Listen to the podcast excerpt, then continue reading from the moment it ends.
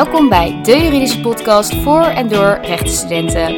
In deze podcast gaan we op bezoek bij toonaangevende juridische werkgevers. We vragen hen het hemd van het lijf over hun werk, spraakmakende zaken en natuurlijk ook over hun studentenleven. Dit is de Schoorkast. Mijn naam is Rachel Dekker en naast mij zit Clarianne Groenendijk. Van harte welkom allemaal bij de Schoorkast. We zijn vandaag in Zwolle bij Dommerholt Advocaten en aan tafel zitten Marnix en Laura. Ehm, Marnix en Laura, kunnen jullie jezelf even voorstellen? Ik Lijkt ben eh, Marnix van Daal. Ik ben ehm, sinds 1995 advocaat. En eigenlijk sinds die tijd ook gespecialiseerd in het arbeidsrecht. En de afgelopen 7, 8 jaar doe ik daar ook nog pensioenrecht bij. Ehm, en ja, ik moet zeggen dat ik daar nog geen seconde spijt van heb gehad. Ja, dan zou ik het stokje overnemen. Mijn naam is Laura Brendel. Ik eh, ben sinds september 2019 advocaat bij Dormerholt Advocaten. En Marnix is mijn eh, patroon. En ik hou mij met name bezig met het arbeidsrecht en het huurrecht. Leuk. Ehm, ja, en kunnen jullie kort wat vertellen over eh Dommerholt als kantoor? Ja, Domholt is een kantoor wat zich ehm, helemaal richt op ondernemers. We hebben eh, een aantal jaar geleden de particuliere praktijk ehm, ja, de rug toegedraaid, om het zo maar te zeggen. Daar zijn we mee gestopt. Dus we hebben toen ook afscheid genomen van onze advocaten die familierecht en strafrecht en eh, letselschade deden, omdat dat echt zich richt op de particulieren. Dat doen we niet meer. We hebben eigenlijk alleen nog maar ondernemers als klant, incidenteel nog wel een particulier. Eh, en dat doen we omdat we zien dat het werken voor ondernemers gewoon leuker is eh, en natuurlijk ook veel meer continuïteit biedt. Ja. En minder gedoe eigenlijk. Zeker, ja, we zijn echt gewoon een juridisch sparringpartner van de ondernemers. En wat ik daar zelf heel erg leuk aan vind, is dat je ook echt af en toe gaat mee ondernemen. Dus dat het veel verder gaat dan het juridische alleen maar. Natuurlijk bekijk je het ook vanuit het juridische kader, maar hoe langer je je klanten leert kennen, hoe beter je ook de onderneming kent. En dan kan je ook veel beter adviseren. Wij proberen te zorgen dat we de ondernemer niet alleen maar juridisch advies geven, maar dat we eigenlijk zeggen, als ik nou in jouw schoenen stond, hoe zou ik dan willen dat het opgelost was?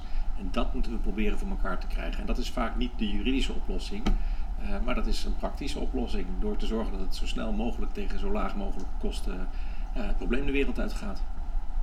En hoe merk je in je eigen praktijk dat je eigenlijk zo dicht bij de ondernemer staat en dat je eh, nou ja, die praktische beslissingen kan nemen? Waar uitzicht dat in? Nou, wat ik zelf heel erg leuk vind, is dat ik meestal ook bij mijn eigen cliënten ook op bezoek ga. Om te kijken ehm, wat voor onderneming ze hebben. Dus de ene keer zit je bij de bakker op de hoek. En de andere keer loop je in zo'n, eh, met een bouwhelm op de, eh, nou ja, op de, daar rond. Ehm, en op die manier leer je ze ook steeds beter kennen. En ze leren jou ook steeds beter kennen. Dus ze weten af en toe ook gewoon dat je op vakantie bent geweest. En vragen dat ook.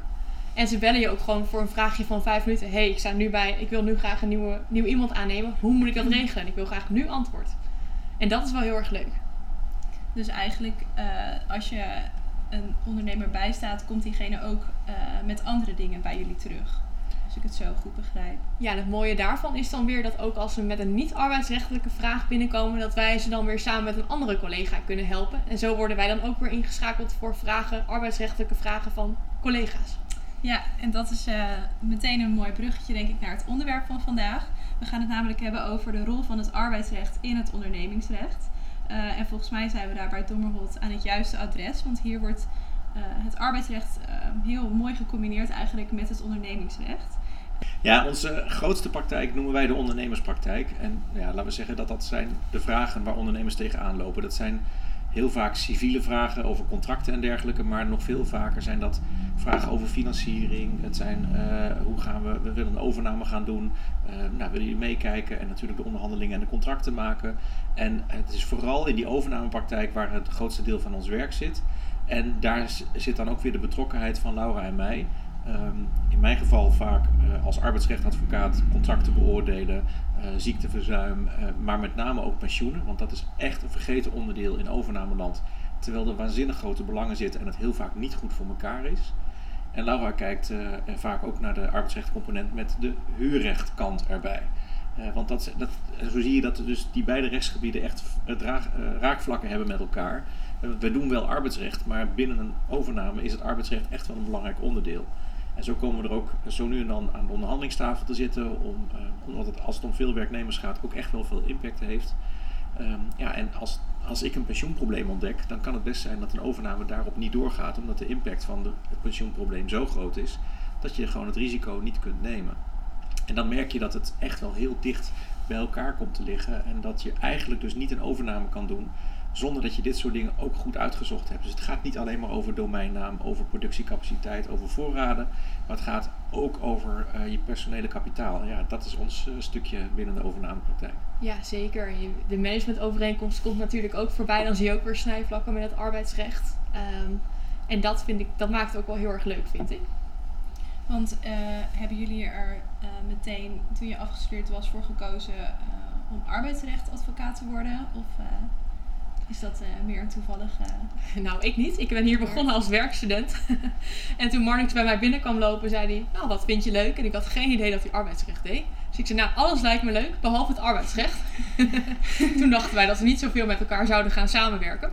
Dus ik ben ook begonnen op het ondernemingsrecht. Alleen ik merkte gewoon dat ik, dat ik het menselijke aspect heel erg leuk vind. Uh, dus echt met mensen bezig zijn, ook wel maatschappelijk betrokken. Maar ook het procederen vind ik heel erg leuk. En dat komt ook nog wel in het arbeidsrecht voor. Dus ik ben er echt ingerold vanuit Dommerhot. Ja, en ik zocht iemand die uh, kon helpen in de arbeidsrechtpraktijk. Uh, en maakt mij niet zoveel uit dat dat Laura is of iemand anders. Hoewel het met Laura geweldig leuk samenwerken is hoor. En Laura is ook echt heel goed. Um, maar in mijn geval wist ik eigenlijk in mijn studietijd uh, nog niet dat ik advocaat wilde worden. Maar toen ik daarachter kwam, um, dat was al daarna. Ik, in mijn studietijd wilde ik eigenlijk gewoon HR-manager worden. Uh, dat leek mij gewoon heel leuk, want dat is, dan ben je met mensen bezig, dan zit je in een bedrijf. Uh, je bent dus als het ware aan het ondernemen met het personeel binnen een bedrijf. Dat heb ik in eerste instantie dus ook gedaan. Ik ben uh, gaan werken bij een ingenieursbureau op de HR-afdeling als, als een jonge knul waar ik de dossiers moest behandelen. Ik was natuurlijk afgestudeerd jurist, dus ik had wel de juridische kant van het HR-werk pakte ik op. en had als zodanig dus ook contact met de advocaat die het arbeidsrecht deed bij dat bedrijf. En toen ik daar een paar keer mee gesproken had om dossiers te beoordelen, dacht ik, ja maar wacht eens eventjes. Wat hij doet is nog veel leuker, want dat is het juridische kant van het HR-werk. Dus hij is eigenlijk de, de HR-jurist, maar dan in de rol van advocaat. Uh, dat heb ik met mijn toenmalige baas besproken. Ik werkte er denk ik een half jaar of zo toen ik dat ontdekte. En die zei, ja, als, als je denkt dat dat gaaf is, dan moet je dat gewoon proberen. En zo heb ik gesolliciteerd bij het kantoor van die advocaat uh, in Eindhoven. Daar ben ik ook aangenomen. En sindsdien doe ik arbeidsrecht. Daar komt het eigenlijk op neer. En ik zou het ook echt niet meer anders willen. Het is gewoon echt een heel leuk, dynamisch rechtsgebied waar heel veel componenten in zitten. Het gaat altijd om mensen. Dat maakt het leuk, want je moet altijd rekening houden met de emotie achter het verhaal. Uh, vind ik gaaf. En we komen in heel veel verschillende rechtsgebieden terecht. Want wat ik al zei, in overname zit een arbeidsrechtcomponent. Um, als er een statutair directeur uh, wordt aangesteld, is het ook heel erg belangrijk dat hij zijn rechtspositie goed kent. Um, en ja, weet je, in ieder bedrijf, bijna ieder bedrijf zit wel personeel. En heb je dus ons zo nu en dan nodig. En dat is mooi. Wat leuk dat je ook echt uh, dat sociale en het juridische perfect hebt weten te combineren in je baan. Um, ja, je bent nu al een tijdje advocaat, zei je net. Um, best wel veel zaken ook gedaan, denk ik dan. Wat is een zaak waarvan je denkt dat is me nou echt bijgebleven? Ja, dat zijn er in 25 jaar natuurlijk best wel een aantal. Maar van de afgelopen jaren um, herinner ik mij, wat ik leuk vind, zijn de zaken waarin je echt intensief met elkaar kan samenwerken met je collega's. En we zijn Team Dommerholt noemen we elkaar, noemen we onszelf. En dat betekent dat we proberen echt wel ook samen te werken in dossiers. Dat betekent ook dat ik wel weet wat Laura doet en Laura wel ongeveer weet wat ik doe. Uh, en dat we ze nu dan ook gewoon met elkaar bespreken. Het kan ook met een andere collega zijn over wat doen we. En in een van die zaken uh, uh, op het gebied van ondernemingsrecht uh, kwam dat echt duidelijk naar voren. Want een vrij grote klant van ons had een bedrijf gekocht en er was wat gedoe met de voormalige eigenaar die nog steeds in het bedrijf zat. En um, dat is dus een combi geweest van een ondernemingsrechtjurist en mijzelf. Omdat het, uh, het ging ook om het overnamecontract waar, uh, waar we op terug moesten vallen. En om de afspraken die daaromtrent waren gemaakt. En toen uh, zijn we samen gewoon op onderzoek uitgegaan van oké, hoe pakken we dit nou eens aan? En ja, de, de, bewijzen waren nog wel dun. Dus ik ben een dagje naar het bedrijf toe geweest, heb met alle personeelsleden gesproken. Ik heb daar verslagen van gemaakt. En daar hebben we de persoon in kwestie mee geconfronteerd. Nou, dat werd allemaal natuurlijk vrij moeizaam. Uiteindelijk hebben we erover geprocedeerd. Dat stukje heb ik wel in mijn eentje gedaan, want ja, dat was een, echt een arbeidsrechtprocedure. Maar wel steeds terugkijkend, hey, met mijn collega erbij, uh, ondernemingsrecht. Uh, hij voert dit verweer, dat is een ondernemingsrechtelijk verweer. Uh, kun jij er ook eventjes je licht op laten schijnen? Het staat zussen me zo in het overnamecontract. doen we het goed als we die kant dan mee opgaan? dus het is echt een leuke samenwerking. Uiteindelijk um, heeft de rechter ons helemaal gelijk gegeven. Dat is natuurlijk ook altijd erg fijn. Ehm, en heeft de persoon in kwestie zich er ook bij neergelegd. En dat is ook fijn voor de klant. Want je wilt ook niet dat je daar tot in jaren van, eh, over moet gaan procederen met alle gezeik van dien. En dan is het gewoon heel mooi dat, uh, dat een goede voorbereiding uiteindelijk ook uh, zich uitbetaalt in een mooi eindresultaat. Ja, ja, en je vertelde al een beetje over de procedure. En um, hoe ziet dan een beetje jouw week als advocaat eruit? Is elke dag anders of is er wel een soort structuur? Hangt wel heel erg van je planning af, Laura. Dat hangt zeker van je planning af. Mijn dag is nooit hetzelfde, want je kan ineens gebeld worden door, door een ondernemer van help. Mijn, um, mijn werknemer heeft uh, 100 euro gestolen. Wat moet ik doen? Nou, als je dan ontslag op staande voet zou willen geven, moet die ook eigenlijk bijna meteen gegeven worden. Uh, we willen het eigenlijk over het arbeidsrecht hebben, maar het huurrecht heeft heel veel kort gedingen. Uh, veel lastige huurders die eruit gezet moeten worden. Dus ik heb ook heel veel kort gedingen. En dan ineens loopt je planning heel anders. Vandaag heb ik de hele dag um, arbeidsovereenkomsten beoordeeld in een uh, due diligence, dus boekenonderzoek. Ja, geen dag is hetzelfde en dat maakt het heel erg leuk. En bij het arbeidsrecht zie je gewoon veel emoties. Dus er wordt gereageerd op brieven vanuit emotie. En dat is wel iets dat je ook niet te lang kan wachten met iemand terugbellen. Want iemand zit er echt wel mee. En dat maakt het wel mooi. Hoe ziet jouw uh, week eruit, Marnix? Ja, dat hangt, dat hangt, wel een beetje van, het, uh, van de planning af. Als, uh, ik procedeer niet zoveel als Laura, maar wel nou, redelijk wat, want het komt in het arbeidsrecht toch nog wel vrij veel voor. En als je een periode hebt waarin er wat zittingen gepland staan, ja, dan moet je echt ook die voorbereiding voor elkaar krijgen. Dus je moet er ook tijd voor vrijmaken in je planning om te zorgen dat je je zitting goed voorbereid uh, hebt en dat je er, als je daar eenmaal zit, ook echt weet waar je het over hebt. En als je dan twee zittingen of drie zittingen in een week hebt, is dat echt best wel lastig. Want tussendoor krijg je nogal dat soort ja, spoedvraagjes waar Laura het over heeft. Want in het arbeidsrecht is het heel simpel. Dat moest altijd gisteren klaar en dat kan niet wachten tot uh, volgende week. Uh, dat, dat, dat kennen wij niet. We hebben wel klanten die zeggen: Oh, wanneer uh, denk je dat het klaar is? En dan zeggen wij: uh, Morgen. Oh, morgen al. Nou, dat is wel heel snel. Ja, dat is voor ons echt heel normaal, omdat wij weten: het moet gewoon snel om te voorkomen. Want iedere dag kost geld. Hè? Iedere dag dat de werknemer niet werkt, betaal je het salaris wel door. En kost het gewoon geld. Dus wij zijn echt gewend om snel te schakelen om te voorkomen dat de kosten te, te ver oplopen. Dus het is best wel hectisch. Ja, um, leuk hectisch. Leuk, maar leuk hectisch. Ja. Dat is het. Het is leuk hectisch. Het is, ja. uh, het is gewoon spannend of zo. Je weet gewoon nooit wat je dag brengt. Nee, precies. Dus een beetje stressbestendig is wel handig als je dat uh, bezit. Wat zijn nog meer eigenschappen waarvan je denkt dat dat kun je echt niet missen als advocaat hier bij Doornhof, maar misschien ook over het algemeen? Uh, nou, als ik voor mijn generatie dan spreek, denk ik dat wij vooral op zoek zijn naar mensen die ook durven. Dus durf jij gewoon binnen vier weken nadat je beëdigd bent al bij de rechtbank te staan en het maar gewoon te doen. Natuurlijk met, uh, met, een, met voldoende begeleiding hoor, maar je moet het toch maar durven. Volgens mij zeggen wij altijd van ja, ga maar gewoon zwemmen en als je echt verdrinkt, dan gooi je een reddingsboei uit. Um, en dat geeft wel heel veel vertrouwen, merk ik als advocaat-stagiair. Ik denk ook dat je vooral als arbeidsrechtadvocaat toch echt wel empathisch moet zijn. Dus je moet ook de andere kant uh, begrijpen, de werknemers, uh, die het toch wel vaak zwaar hebben met bepaalde dingen. Um, ja, stressbestendig inderdaad. Uh, en ook wel een beetje commercieel en vooral het ondernemerschap heel erg leuk vinden. Want daar staat Dommerholt natuurlijk onbekend. We helpen geen mensen, nee, we helpen ondernemers. We proberen ze te ontlasten met een onderneming.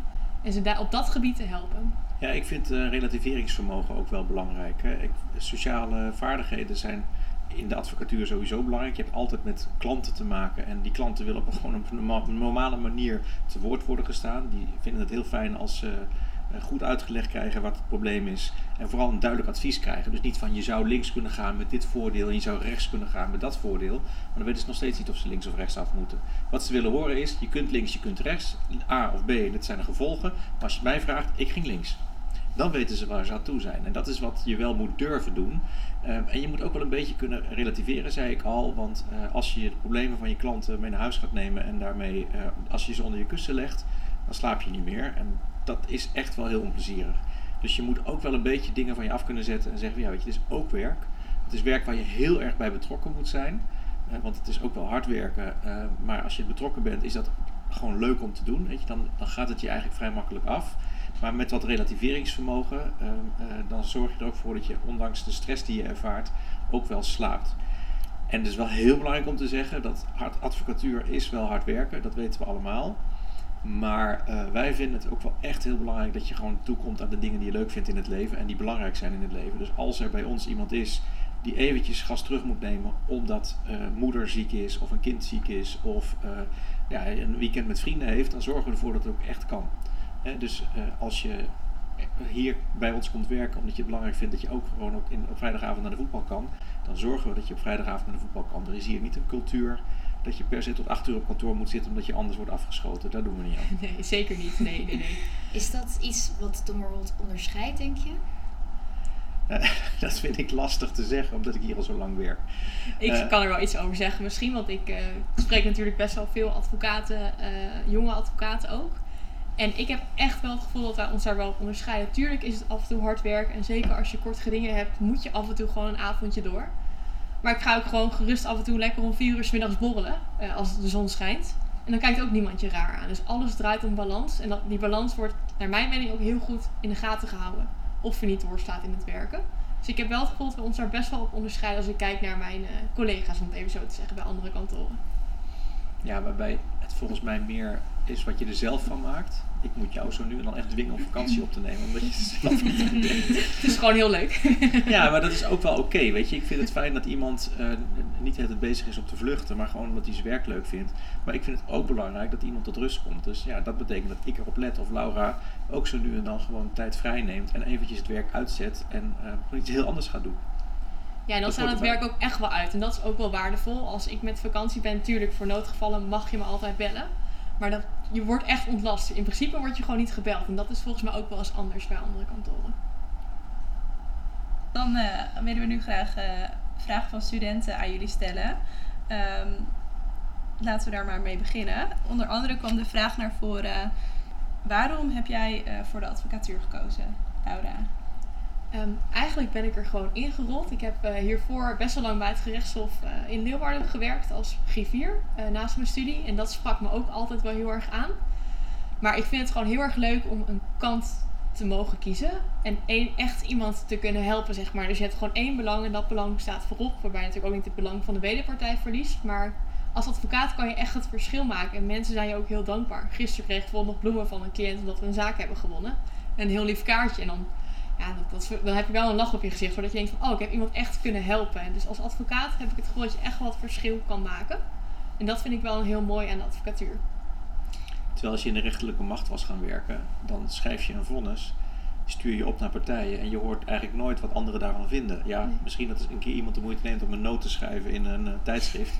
Maar of je daar nou echt gelukkig van wordt, dat weet ik niet zo goed. Ja. Want die noten zijn toch ook vaak wel kritisch. Van ja, ik, had het, eh, ik vind dat dat stukje niet eh, goed is uitgewerkt of iets dergelijks. Ja. Dus ik denk, dat is het leuke van advocatuur. Je hebt rechtstreeks contact met de klant. En je bent dus ook echt in staat om het verschil te maken voor een klant. Als, als wij goed advies hebben gegeven of een mooie overname hebben afgerond, dan, dan merk je dat de klant gewoon echt blij is met wat je voor ze gedaan hebt. Nou, zo'n bloemetje is eh, echt gaaf, want dat, dat kleurt je dag. Ja. Maar eh, gewoon het feit dat de klant, ik heb een klant die echt gewoon serieus twee keer per jaar zegt: Oh Marnix, we zijn zo blij met jou. Ja, dat is geweldig. Dat is gewoon echt leuk. ja, echt dat sparringpartner dus weer zijn. Dat vind ik gewoon heel leuk. En je merkt ook dat mensen op je leunen. En dat heb je als rechter natuurlijk niet. Dus dat vind ik gewoon heel mooi aan de advocatuur. En zijn er naast de mooie kanten ook mindere kanten aan, aan de advocatuur? Dat je denkt, dit vind ik wel echt een ja, minder leuke kant eraan. Nou, er zijn natuurlijk altijd minder leuke kanten aan elk vakgebied. Ehm, wat ik soms lastig vind, is wat Mornings eigenlijk net heel mooi benoemde: van je moet niet met je zaken onder je kussen gaan slapen. Eh, je hebt gewoon hard voor je cliënten, denk ik. Eh, en soms is het lastig om dat dan los te laten. Eh, maar daar wordt dus voor gewaakt. Dat is wel iets, je kan jezelf volgens mij heel makkelijk verliezen in de advocatuur. Dus dat is wel iets waar je op moet letten. Ehm, en ja, tijdschrijven. Het is wel, weet je, het is wel gewoon een commercieel vak. Dat, daar moet je als, in, als beginnend jurist gewoon best wel aan wennen. En nu zit het in het systeem, dus nu kost het weinig moeite. Maar in het begin denk je wel eens van poeh. Ik moet wel, eh, elk telefoontje schrijf je. En je boekt niet alles door aan je klanten, maar je schrijft het wel. Dus het is wel iets wat, ja, die administratieve werkzaamheden, dat is niet per se mijn ding. elke zes minuten moet je dat toch doen? Eh, ja, die- ja, precies. Elke zes minuten, als je zes minuten hebt gebeld, dan schrijf je dat in een tijdschrijfsysteem. En dat hoort nou eenmaal bij de advocatuur, want zo verdienen wij natuurlijk ons geld. Eh, maar dat is wel even iets waar je als student, als je net klaar bent, aan moet wennen. Ja. Je hoeft niet elke zes minuten een administratieve handeling te Nee, verrichten. Oh, Als je een uur lang een bespreking hebt gehad, dan schrijf je aan het eind van het uur tien keer zes Ja. minuten. Dus één, Ja. Één handeling. Oh. Dus het valt ook wel een beetje Ik was al een mee. beetje bang. Ik dacht, nou, dan gaat de dag ook snel eh, voorbij. Nee, en als ik koffie ga halen, schrijf ik dat echt niet op hoor. Maar meer, eh, ja, weet je, als je even één mailtje typt, schrijf je dat natuurlijk wel. Of als je klant even zes minuten belt, dan schrijf je dat ook. Maar het is niet zo dat ik elke zes minuten moet verantwoorden aan Dommerholt, gelukkig. Nee, je moet gewoon wennen aan het feit dat, eh, dat je de tijd die je besteedt aan een zaak ook administratief moet vastleggen om te zorgen dat we het bij de klant in rekening kunnen brengen. En dat is wel een ding waar je mee om moet leren gaan, maar dat kost je een keer anderhalf, twee jaar. En dan hebben de meeste mensen het gewoon prima in hun systeem en is het gewoon een tweede natuur geworden. Wat, wat ik persoonlijk eh, lastig blijf vinden, ook na al die jaren, is dat je nou eenmaal niet foutloos kan werken. Iedereen maakt zo nu en dan een fout. En op het moment dat je dat overkomt, schrik je je werkelijk helemaal klepblazers. Uh, dan denk je, oh, ben ik dit vergeten? Of, oh, heb ik dat wel goed geadviseerd? En dat zijn momenten waarin je relativeringsvermogen echt op de proef wordt gesteld. Want als je dat gevoel krijgt, ja, dan kun je daar helemaal in verliezen en er bijna depressief van worden. En serieus, dat kan. Uh, dat is niet heel moeilijk. Maar je moet ook denken, ja, weet je, iedereen kan fouten maken. En je wil dat niet, maar uiteindelijk is het, uh, het maken van een fout ook een moment waarop je kan leren. Heel belangrijk. En vooral ook een moment waarop je uh, ook weer eventjes je relatie met de klant kan testen. Want als jij het beste wat je dan kan doen is gewoon ook zeggen: ik had het anders moeten doen. Ik heb een fout gemaakt. Dat maakt dat je klantrelatie uh, daar het meeste van groeit. Uh, door het goed op te lossen. Dus het maken van een fout is heel vervelend en kan gebeuren. Gelukkig gebeurt het nauwelijks. We, we, zijn wel secuur en we helpen elkaar ook. Maar als het gebeurt, is de manier waarop je ermee omgaat ook wel een, een belangrijk ding. En dat is de minder leuke kant van advocatuur. Maar ja, weet je, overal waar gewerkt wordt, worden fouten gemaakt. Ook bij ons. Ja, zeker. Ik had daar ook nog een vraag over. Want um, als rechter heb je natuurlijk misschien de stress dat je kritiek krijgt van de, uit de literatuur op uh, uh, je vonnis. Um, maar als advocaat kun je natuurlijk ook de stress krijgen dat een cliëntje boos opbelt uh, omdat je de zaak hebt verloren. Maken jullie dat vaak mee en hoe gaan jullie daarmee om? Nou, de stress zit eigenlijk al eerder. Namelijk op het moment dat je het vonnis nog moet krijgen. Dat is echt, dat zijn hele slechte tijden, kan ik je vertellen. Als je, kijk, soms kom je uit een zitting en heb je het gevoel van, nou, dit kan niet meer misgaan. Kan het nog steeds misgaan, heb ik ook overigens de ervaring. Dat is echt heel raar. Hè? Als je de rechter het gevoel heeft gegeven, als de rechter jou het gevoel heeft gegeven, nou, dit ga ik doen. En dat, hij gaat vervolgens compleet de andere kant op. Dan denk je echt, in welke andere film heb jij gezeten? Dat is heel bizar. Maar goed, het moment dat de rechter een vonnis moet gaan wijzen waarvan je echt nog geen idee hebt welke kant het op gaat, is echt heel spannend. Dus op het moment dat dat vonnis dan op je scherm verschijnt, gaat je hart echt wel even wat sneller kloppen. En dat is echt niet relaxed. Is dat elke keer dat je weer een vonnis terugkrijgt, is dat elke keer aan de hand? Dat je toch weer even die, die spanning ja. voelt? Ja. Ja, ik heb al twee momenten spanning in mijn lichaam, maar ik ga er altijd wel lekker op. Dat is altijd net voordat ik de zittingzaal inloop. Uh, maar meestal zijn mijn cliënten zenuwachtiger, dus dan word ik wel rustig. Maar gewoon zo'n gezonde spanning alsof je gewoon uh, moet afrijden voor je, voor je auto of zo. Gewoon zo'n piekmoment. En als het vonnis binnenkomt. Maar eerlijk gezegd vind ik het ook wel een lekker gevoel.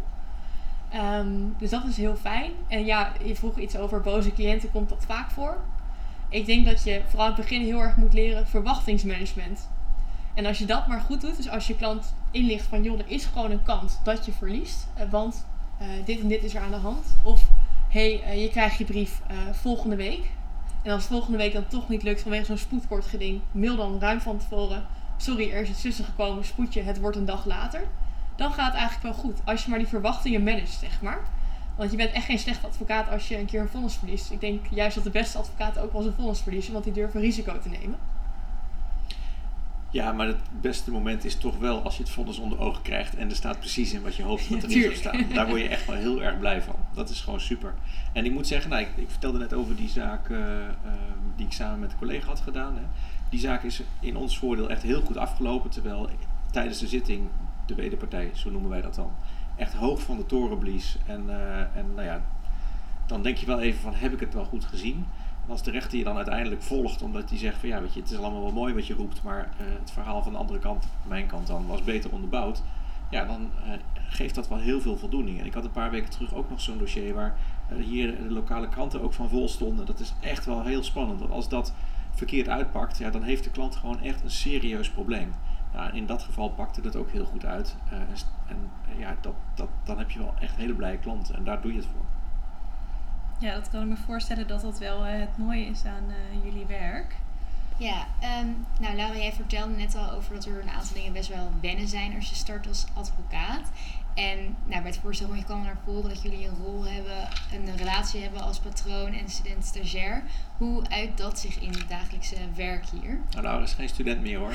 Afgestudeerd Advocaat jurist. stagiair, ja. Wij noemen dat advocaat stagiair. Ja. Nou, wat wel mooi is om aan te sluiten wat Marnix eerder zei over het fouten maken. Een van de eerste dingen die hij tegen me zei was: Ja, Laura, je gaat fouten maken, maar als je fouten maakt, is dat niet erg als je er maar van leert. Eh, en dat geeft wel heel erg veel vertrouwen. Dat je denkt van ja, weet je, fouten maken, iedereen doet dat. En het is heel fijn als iemand dan gewoon onvoorwaardelijk achter je staat. Ja, en hoe uit onze uh, advocaat patroonrelatie zich. Ik denk dat ehm, eh, vooral in het begin heel veel overleggen, heel veel samen doen. Ook gewoon het privéleven met elkaar delen, zeg maar. Dus ik, ik weet, ik ken jouw kinderen, ik ken jouw vrouw en jij kent ook mijn mensen in mijn privéleven. En dat, scheelt, dat, dat zorgt al voor een bepaalde betrokkenheid. En gewoon heel veel ehm, feedback krijgen van Marnix. Marnix heeft er echt wel heel veel moeite in gestopt om mij beter te maken. Want ook als stukken al prima waren, eh, gaf hij toch feedback op van nou, misschien kan je het toch zo eh, verwoorden. Maar het mooiste vind ik eigenlijk dat hij mij altijd zelf heeft laten denken. Dus hij is niet iemand die zegt het moet A zijn. Maar als ik dan voor B kies, vraagt hij mij waarom kies je voor B. En dan al praten en al vragen stellende gaat er vanzelf hopelijk wel een alarmbel bij mij af van hé, hey, misschien moet ik dan toch naar een andere optie kijken. En juist door zo actief eh, mee te denken en mijzelf te laten denken, leer je het meeste, denk ik. En gewoon het vertrouwen dat je heel snel in de, in, bij de, in de rechtbank mag staan, heel snel zelf eh, je eigen cliënten mag eh, helpen, dat, dat is ook gewoon heel erg leuk. Echt dat zelfzwemmen wat je zei. Ja, echt wat zelf zwemmen, maar wel echt een, een hele trouwe reddingsboei aan de zijkant. Ja, en wat ik heel belangrijk vind is dat, het, het- ik bedoel, ik kan niemand niet verplichten om zijn privéleven met mij te delen. Dat hoeft ook echt niet. Maar wat ik belangrijk vind is als het even niet goed gaat, dat je ook de ruimte voelt om het daarover te hebben. Want die momenten kun je ook tegenkomen in je leven, die hebben we allemaal wel eens. En op het moment dat je helemaal niet met elkaar praat over wat je privé bezighoudt, voel je je ook niet vrij. En op het moment dat het privé even heel erg slecht gaat, om dat met elkaar te delen. Terwijl dat ongelooflijk belangrijk is voor het moment dat je op je werk zit. Als het niet lekker loopt, gaat het op je werk ook mis. Dus daarom, ja, weet je, niemand is verplicht om te vertellen hoe het eh, in zijn privéleven gaat. Maar het is wel heel fijn dat je dat met elkaar kunt delen. Omdat het ook maakt dat je elkaar beter begrijpt. En ja, compliment aan Laura, want ik krijg hier allemaal complimenten. Dat is hartstikke fijn. Laura is heel erg leergierig. Het eerste wat ze aan mij vroeg was, eh, hoe zorg ik ervoor dat ik goede feedback krijg? En dat is echt zo belangrijk dat je als eh, eh, lerend advocaat, want dat ben je in het begin, dat je ook wil leren. Dat je wilt weten wat je niet goed doet en waar je in kunt verbeteren. En ja, dat heeft ze al die jaren echt supergoed gedaan, want uit ieder nadeel weet Laura een voordeel te halen. En dat is ook fijn. Dus in die samenwerking moet ik zeggen, is het gewoon ook superleuk. Eh, ik leer eh, ook van haar, maar ik vind het ook heel le- leuk om haar wat te leren, want ik zie dat Laura er wat mee doet. En als je die eigenschap eh, hier binnenbrengt, eh, ja, dan krijg je hier ook echt alle ruimte om te leren, want dat vinden wij fijn.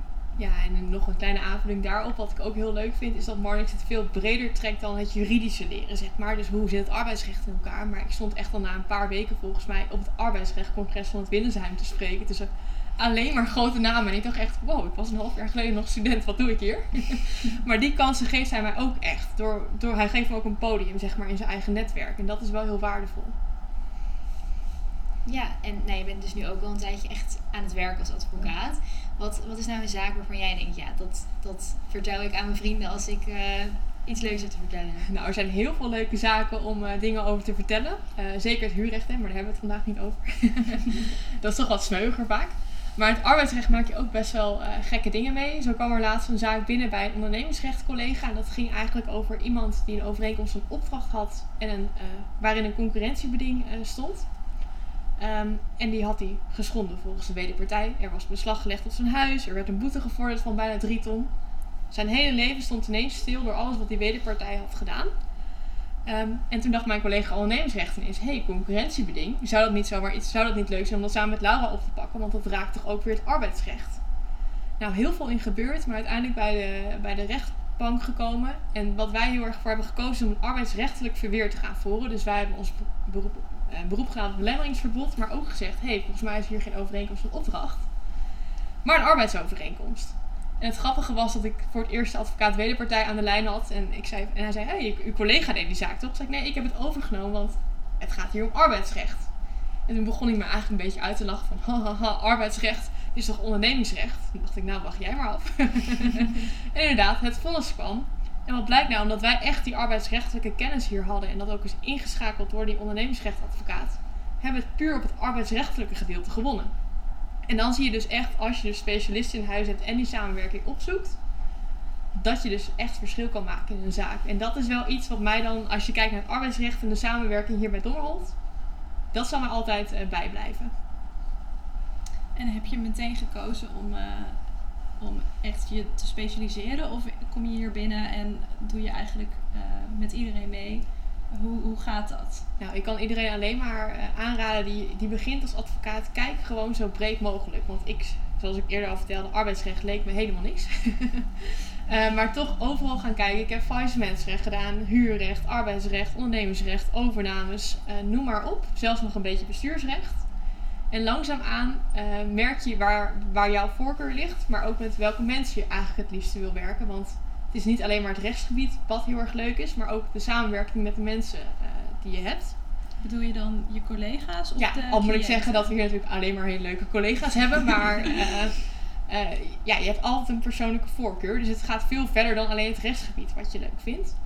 Dus uiteindelijk ben ik, nou, ik denk dat ik me, toen ik anderhalf jaar advocaat was, heb ik echt gezegd, nou, ik ga me richten op het arbeidsrecht en huurrecht. Zeker omdat ik procederen gewoon heel erg leuk vind. En dat geeft ook wel rust, want wat je nu merkt is dat je eigenlijk best wel heel snel heel veel kennis hebt. En dat je ziet steeds weer herhalingen en ineens denk je, oh, een klant belt mij, ik hoef niet te googlen, help, wat vraagt hij me eigenlijk? Maar je kan gewoon het antwoord geven, want je hebt het al vaker gedaan. En zo gaat je leercurve wel ineens heel erg hard. Dus ik zou echt kijken, ik heb nooit arbeidsrecht gedaan in mijn studie. Ik heb nooit huurrecht gedaan in mijn studie. Maar ben toch hier uh, op deze plek beland. Dus ik zou zeker als student echt kijken van nou laat ik gewoon ergens beginnen en kijk gewoon wat je leuk vindt. En het voordeel is omdat ik van best wel veel uh, keukens iets heb gezien, dat ik ook nog wel als mijn ondernemer dan belt van hé hey, ik heb toch een vraag over contractenrecht. Daar wel een klein uh, begin aan kan geven, een antwoord zeg maar. En dat is ook wel heel waardevol. Ik ja. heb in mijn stagetijd nog echtscheidingen gedaan. Ik heb uh, alimentatieberekeningen gemaakt. Ik heb faillissementen behandeld. Ik heb strafzaken gedaan. En het, het fijne daarvan is dat, het, dat ik er ook iets over kan vertellen. Dat ik het, het, heb meegemaakt. Maar dat me ook iedere keer bevestigt in het feit dat het arbeidsrecht gewoon veel leuker is. Ja, dus ja, ik heb ook, uh, ik, ja klopt. Ik heb ook strafzaken gedaan, heel toevallig. En dan kom je weer bij dat stukje durven. Durf het gewoon te doen. Want die ervaring pakt niemand je meer af. En je neemt het toch altijd mee. En het geeft je ook een stukje vertrouwen. Van hé, hey, ook in dat rechtsgebied red ik me.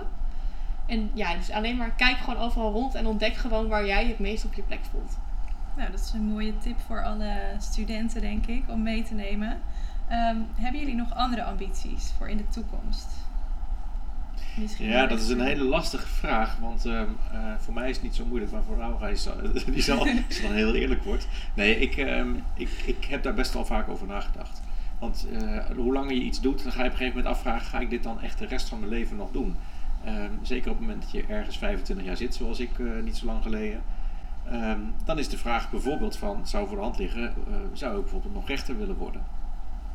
En toen ik me probeerde voor te stellen hoe die wereld er dan uitzag, hoe de rest van mijn leven er dan uit zou komen te zien, was ik eigenlijk heel snel klaar. Want ik moet er echt niet aan denken dat ik ochtends de rechtbank binnenloop, achter mijn bureau ga zitten en dat drie keer per dag, misschien drie keer per dag de telefoon gaat omdat een gifje-medewerker wil weten of ik die zittingen wel of niet kan doen. En dat je voor de rest van de dag alleen maar stukken aan het schrijven bent. Want ja, contact met klanten, die heb je niet. En, uh, en een behoorlijke relatie opbouwen met je klant tijdens de zitting lijkt me ook niet echt heel gewenst. Dus het is een, echt wel een heel solo vak, uh, waarin je misschien wel veel meer met de juristerij bezig bent, maar veel minder met mensen. En ik, moet er, ja, ik denk dat ik daar ongelooflijk ongelukkig van zou gaan worden. Dus dat ga ik niet doen.